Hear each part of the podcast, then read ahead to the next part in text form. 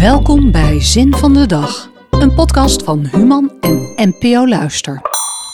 Als al het andere faalde, als de hele wereld één en al onzin leek, hield hij zich hieraan vast: dat goede muziek altijd goede muziek zou blijven en dat grote muziek onaantastbaar was.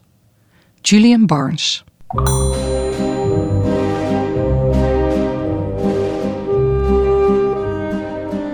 De Britse schrijver Julian Barnes heeft prachtige romans geschreven over de tijd.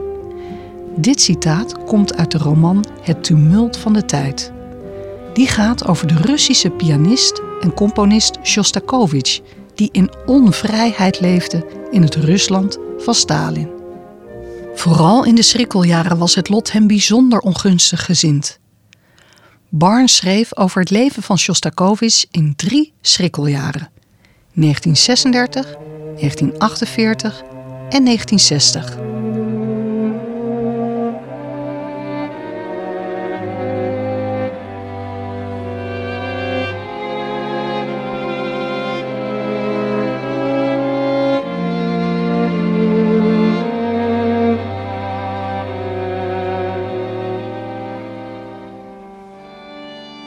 Natuurlijk heeft dat iets irrationeels, dat Shostakovich dacht extra veel pech te hebben in de schrikkeljaren.